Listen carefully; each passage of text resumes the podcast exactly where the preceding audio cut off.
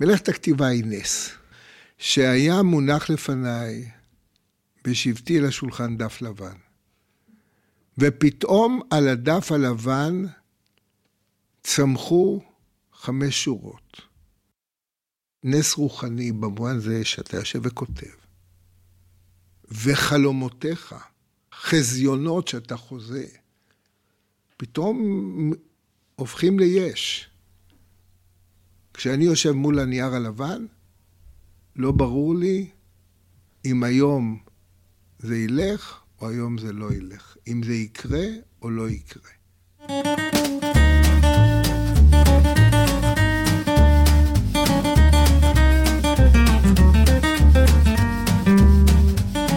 ניסים גדולים וקטנים, רגעים של התפעמות וכל מה שקשה להאמין. אני רועי רביצקי. אני ענת קורול גורדון, ואתם מאזינים ל"היה פה, סיפורי ניסים", הפודקאסט של עיריית ירושלים. והפעם, הסופר חיים באר.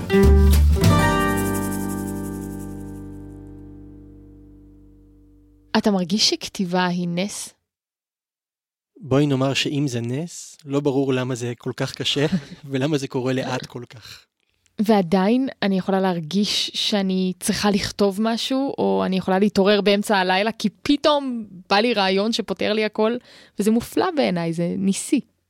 אני כשאני קם באמצע הלילה זה כי התינוק שלי בוכה, וזה אומנם נס שהוא שם, אבל זה שהוא בוכה, שייתן לי לישון בשקט. אני מאחלת לך את זה, רועי. תודה רבה. בפרק הזה נדבר עם הסופר חיים באר. הוא כתב 13 ספרים ועוד אחד שתכף יוצא לאור, ולמרות שמעטים ידעו לתאר את ירושלים כמוהו, נסענו לפגוש אותו בביתו ברמת גן. והדבר שהכי הפתיע אותי מיד כשהגענו הוא כמות הספרים. כלומר, כמה מעט ספרים יש שם. יש רק חצי קיר בערך במרכז הסלון, אבל מהר מאוד בתיה, אשתו של חיים, הרגיעה אותי והסבירה שאת אלפי הספרים שלו היא דורשת שהוא ישמור בדירה נפרדת. וששם אין ספר אחד שהוא לא יודע לתאר בפירוט מפחיד את תוכנו. התיישבנו רחוק רחוק מבאר כדי לא להפיץ נגיפים, והתחלנו. כשמדברים על ניסים, שזה הנושא שהתכנסנו לכבודו, יש את אה, אסכולת התומכים ואת אסכולת המתנגדים והנרתעים. איפה אתה נמצא? בואי נגיד, לגבי חיי הפרטיים ביותר, אני רוב הזמן בתודעה ובהרגשה שיש השגחה פרטית. אה, ההשגחה הפרטית בראש ובראשונה פירושה שברגעים קריטיים מישהו אה, יבוא ויחלץ אותך, מישהו ישלוף אותך. למה, כמה, מה, מי, איך אומרים, במופלא ממני אני לא דורש. אני אדם אה, רציונלי למדי, אבל באזורים האפלים, במעברים, ישנה הרגשה של נס, ואני חוויתי. אני חוויתי דברים שברור היה לי שמישהו עצר אותי, למה אני לא יודע, לא בגלל uh, יראת השמיים הגדולה שלי, או, או בגלל איזו הנהגה uh, טובה במיוחד, או בגלל שאני איש המעלה, אלא, לא יודע, מישהו היה חפץ בטובתי באותו רגע. איך נראה אותו הרגע? זה שני מקומות שאני יכול במפורש, במה שנקרא, בלי היסוס ולא כאילו וכזה, אה, שני מקומות שקראו לי נס. נס גלוי, אה, אחד היה בדרך לירושלים, ואחד אה, בקפלן בואכה אבן גבירול. בוקר אחד קמתי והייתי אמור לנסוע לירושלים. קמתי, התרחצתי, התלבשתי, התפללתי, הלכתי, זה, הגעתי לתחנת האוטובוס. תחנת האוטובוס אני פוגש מכר, לאן אתה נוסע? אמר, אני נוסע לירושלים הבוקר. אמרתי לו, גם אני. אז ניסע ביחד. 34 עוצר, אני בכוונה אה, מביא את הדברים הקונקרטיים. ליד רחוב אגרה הוא עוצר, ואנחנו צריכים להגיע לתחנה המרכזית ולקו 405. הוא מסתכל בשעון והוא אומר לי שבעוד כך וכך דקות אה, יוצא אוטובוס לירושלים, בוא תרחיב קצת, תגדיל, בוא נלך אה, מהר לאוטובוס. אמרתי לו, שמע, אני לא רץ לאוטובוסים, אני הולך. הוא רץ, הגעתי לתחנה, האוטובוס איננו, הוא איננו. כשהאוטובוס כבר התחלנו לנסוע לירושלים, אני כבר לא זוכר באיזה שלב, באיזה מקום, פתאום נהייתה מהומת אלוהים על הכביש. ואמבולנסים נסעו וזה, הוא היה ב-405 שמחבל דרדר אותו לתהום ליד uh, תל סטון, הוא נהרג. Uh, האיש שישב לידו נהרג גם כן. עד היום כשאני נוסע לירושלים, אני מסתכל שם, אני אומר ברוך שעשה ניסים וכולי וכולי. Uh, שעשה לי את הנס במקום הזה. עכשיו זה היה יכול להיות הפוך. זה היה יכול להיות הפוך, שהוא רץ, והוא נסע לירושלים והוא הגיע, ואני, בגלל שאני התקפתי, אז אני עליתי על אוטובוס והמחבל היה עולה על האוטובוס שלי. זאת אומרת, זה לא שאני חכם יותר או נבון יותר, גם אי אפשר להסיק מזה שום מסקנה שכך צריך לנהוג. איך אני מסביר את זה? זה בדיוק המקום שאני לא מסביר. רגע, אבל הבטחת שני רגעים.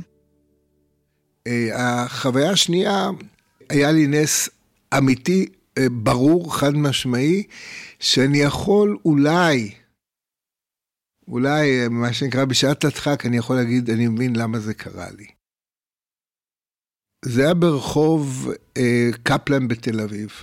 אני הולך מכיוון הקריה הצבאית לכיוון אייבן גבירול, ומבית העיתונאי, מבית סוקולוב, יוצא לקראתי בן אדם, עיתונאי, שאני הכרתי אותו הרבה שנים, ובואו אני אגיד את האמת, אני לא סבלתי אותו. נודניק, טרחן, אדם בלתי אפשרי. אתה תגלה מי זה? אה,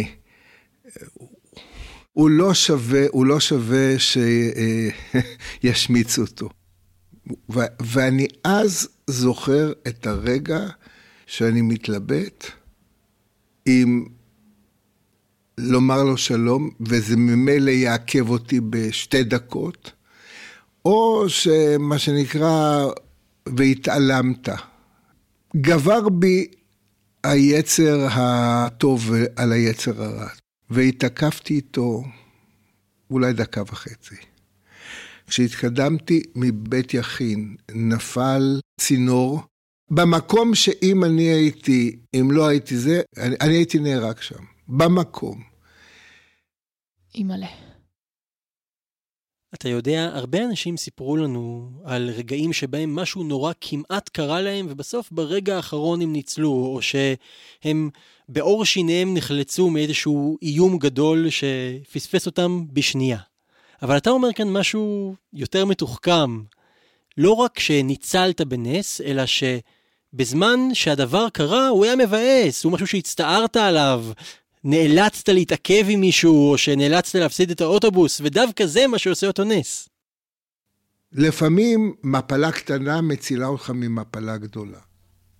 ולפעמים יש לך ניצחון, והניצחון הופך להיות לאבדון. הייתי אומר, המעגל השני, האדווה השנייה של, ה, של הניסים, זה דברים, אה, ציפיתי ל... לפרס, אני יודע מה, ציפיתי לאיזה הכרה, וזה לא הגיע, והתברר שזה לטובה. התברר שזה לטובה. היו לי קשרי עבודה כאלה או אחרים עם דן בן אמוץ. והנה הוא חלה את חוליו, והוא עשה אה, לעצמו מסיבה מאוד מפורסמת, מסיבת פרידה מחבריו. והיו שם גדולי, גדולי ישראל. הוא היה אושיית תרבות מרכזית. ואני יושב, ואיזה חמיצות של אה, עלבון עברה בי. זאת אומרת, אתם מכירים את הפולניות הזאת, איך זה, הוא לא הזמין אותי, לא, זה שהוא חולה ושהוא הולך למות זה שהוא עושה מסיבת פרידה, זה היה פחות חשוב בעיניי באותו רגע מה, מה, מהעלבון.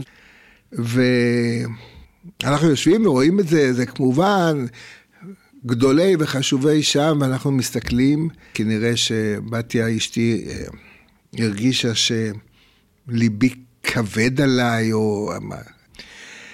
והיא אומרת לי, אתה עוד תודה יום אחד לאלוהים שלא היית שם. מה אתה צריך להיות שם? אלה החברים שלך? זה המקום שלך? זמן לא רב אחר כך הוא נסתלק לבית עולמו. וזמן לא רב אחרי כן, בן כיתתי אמנון דנקנר, שהיה חבר קרוב שלו, פרסם את הביוגרפיה שלו והשמיץ אותו בצורה איומה, ויצאו, איך אומרים, כל, כל הגוויות, דן בן אמוץ נהיה פסה לגמרי. וכל אלה שהיו שם מצאו תירוצים למה הם הגיעו. אני פתאום לא הייתי צריך להתנצל. אני חושב שבאמת המשפט המכונן זה אין בעל הנס מכיר בניסו. בזמן אמת זה, הרבה פעמים זה נראה אפילו עקום. רק שעה אחר כך, דקה אחר כך, ורק בדיעבד, כמו שהיו אומרים בישיבות, רק בדיעבד אתה מבין שניצלת, או שהרווחת. קרה לך שרצית נס וחיכית לנס, והוא לא הגיע אליך? היו רגעים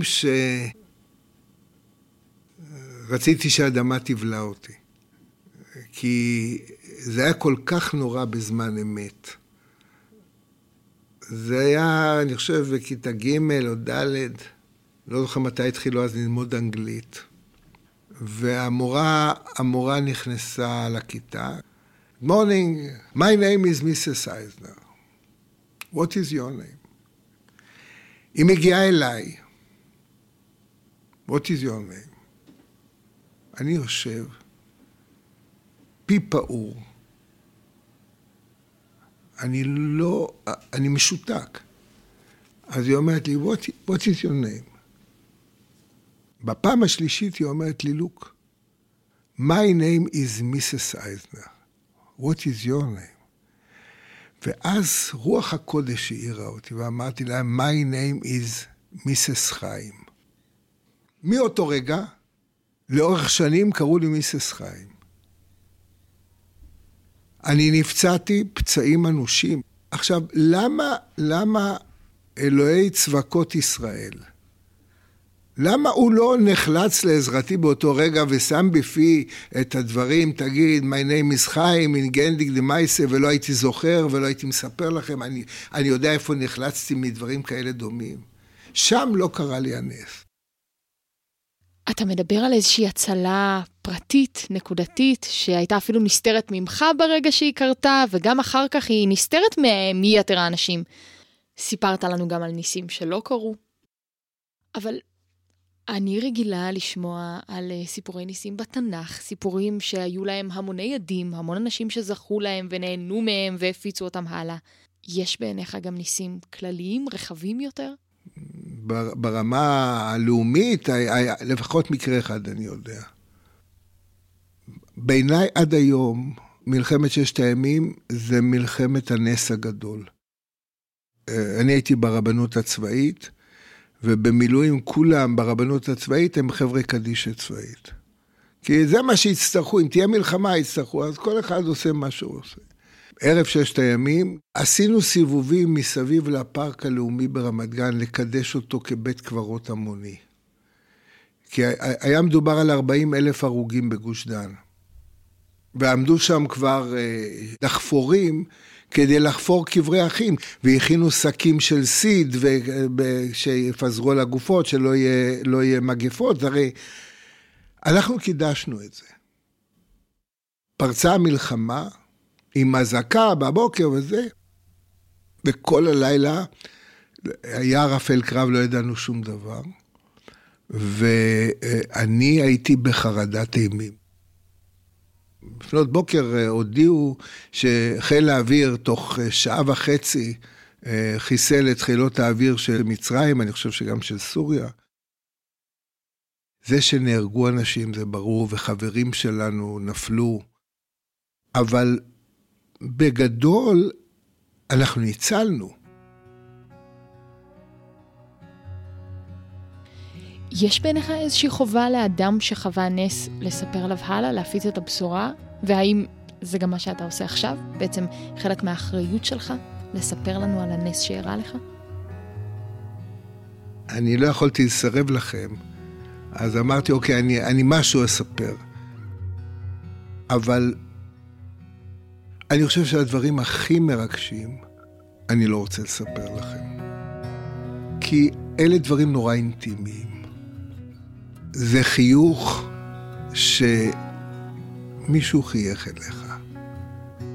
שאתה, אני מאושר שהיה לי החיוך הזה. ואני לא רוצה לחלוק את החיוך הזה. אז יש דברים בדביר המוצנע, אז יש דביר שהכהן הגדול נכנס אליו פעם אחת בשנה. ו, וגם לאדם פרטי יש דביר, יש, יש איזה קודש קודשים שהוא לא נכנס אליו. איך אומרים, די לו, די לו בזה שהוא זכה לראות את החיוך. מה שנקרא, מתן בסתר יכפה אף. זה הפסוק, זה על תיבות צדקה במזרח אירופה היו כותבים מביא. מ"ב י"א, זה ראשי תיבות של מתן בסתר יכפה אף. הבסתר, הבסתר המדרגה, המתן בסתר, הקבלה בסתר. בואו נגיד, אין משהו שלטובתו אני אתן למישהו את הרגע הפרטי שלי. אחד הדברים שאני למדתי כסופר, או כאדם יותר נכון, יש אזורים שאסור, אסור לתת לאף אחד להיכנס לתוכם. זה לא הכל יחסי ציבור, זה לא הכל פרסום הפרסומת. אני מתהלך ואני אומר, כן, ראיתי ציפור רבת יופי, כמו שאומר נתן זך. ודי לי בזה שאני ראיתי את הציפור והציפור ראתה אותי.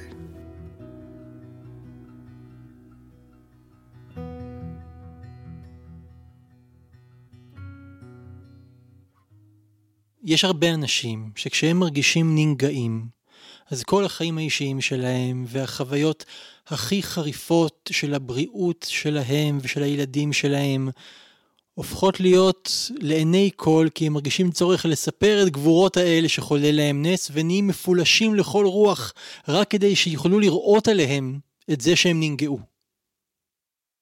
ואז, אז הנס, הנס מתפוגג. אדם שמרבה לספר על הנס שקרה לו, כי הוא לא בטוח בו. אם הוא בטוח בו, הוא לא צריך לספר עליו. חינכו אותנו שאתה אה, אומר איזה חוכמה בתור ילד, ואתה מסתכל אם הדודות מרוצות מזה.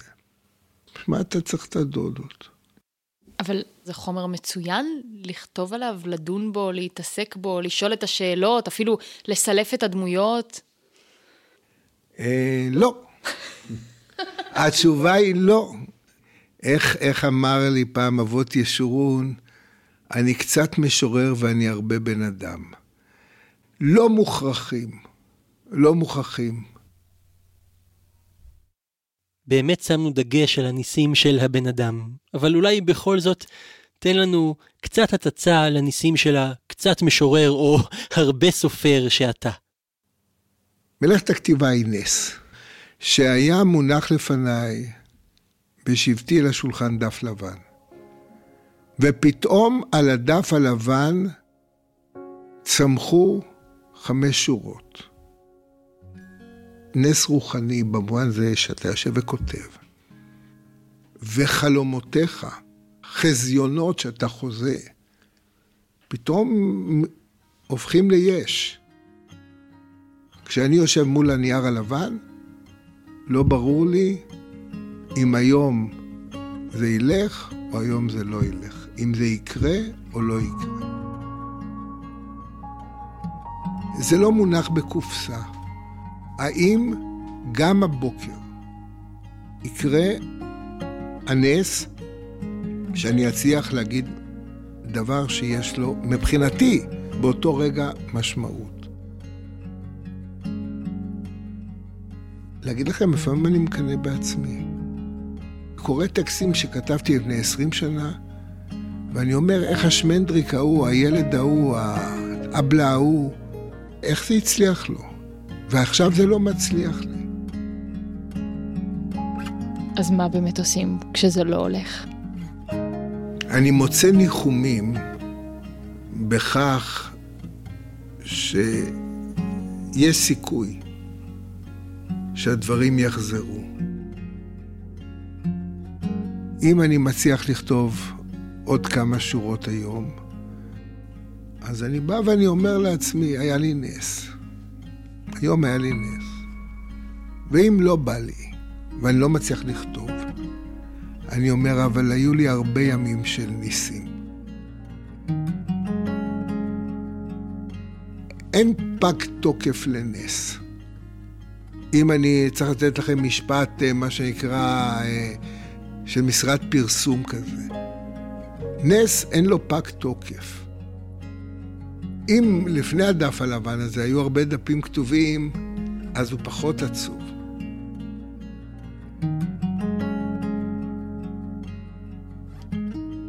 היה עכשיו, אה, הלך לעולמו יהושע קנז, הסופר. ואיזה שבע שנים או שמונה הוא, הוא, הוא היה דמנטי לגמרי, הוא היה באלצהיימר.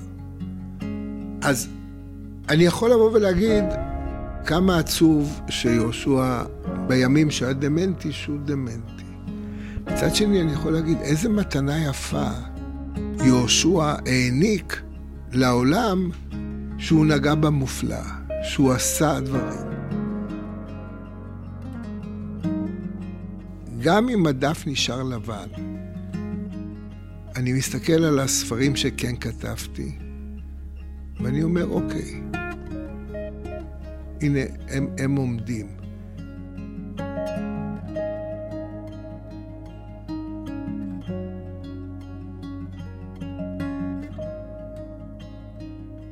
בין השמיים הריקים מטילי אויב ומצינורות מתכת, לדף הריק ולך שממלא אותו בניסים, יש נס שאתה עדיין מחכה לו?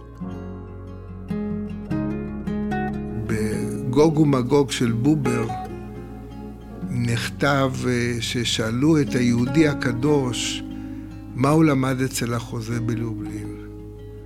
אז הוא אמר לו, הוא לימד אותי לישון.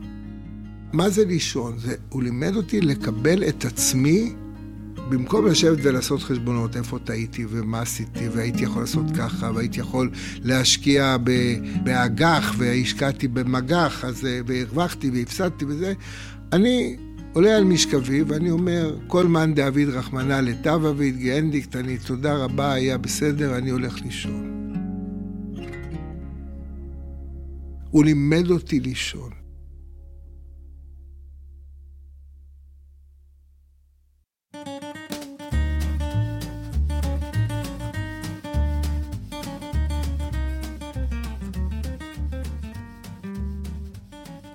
תודה רבה לחיים באר. הפודקאסט הוקלט באולפני שלג. את הפרק הזה הקליט וערך תום בייקין אוחיון. תודה גם לכל מי ששיתפו אותנו בסיפורי הניסים שלהם. את הפודקאסט יזמה והפיקה עיריית ירושלים, האגף לתרבות ואומנויות. אני ענת קורול גורדון. אני רועי רביצקי, והפרק הבא של היה פה סיפורי ניסים כבר מחכה לכם.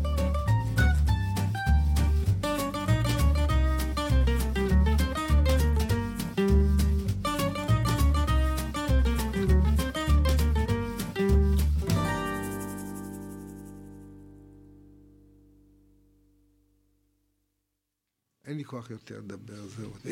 אתם צריכים עוד משהו? יש הכל, סחורה יש. רגע, קפה, תה, משהו?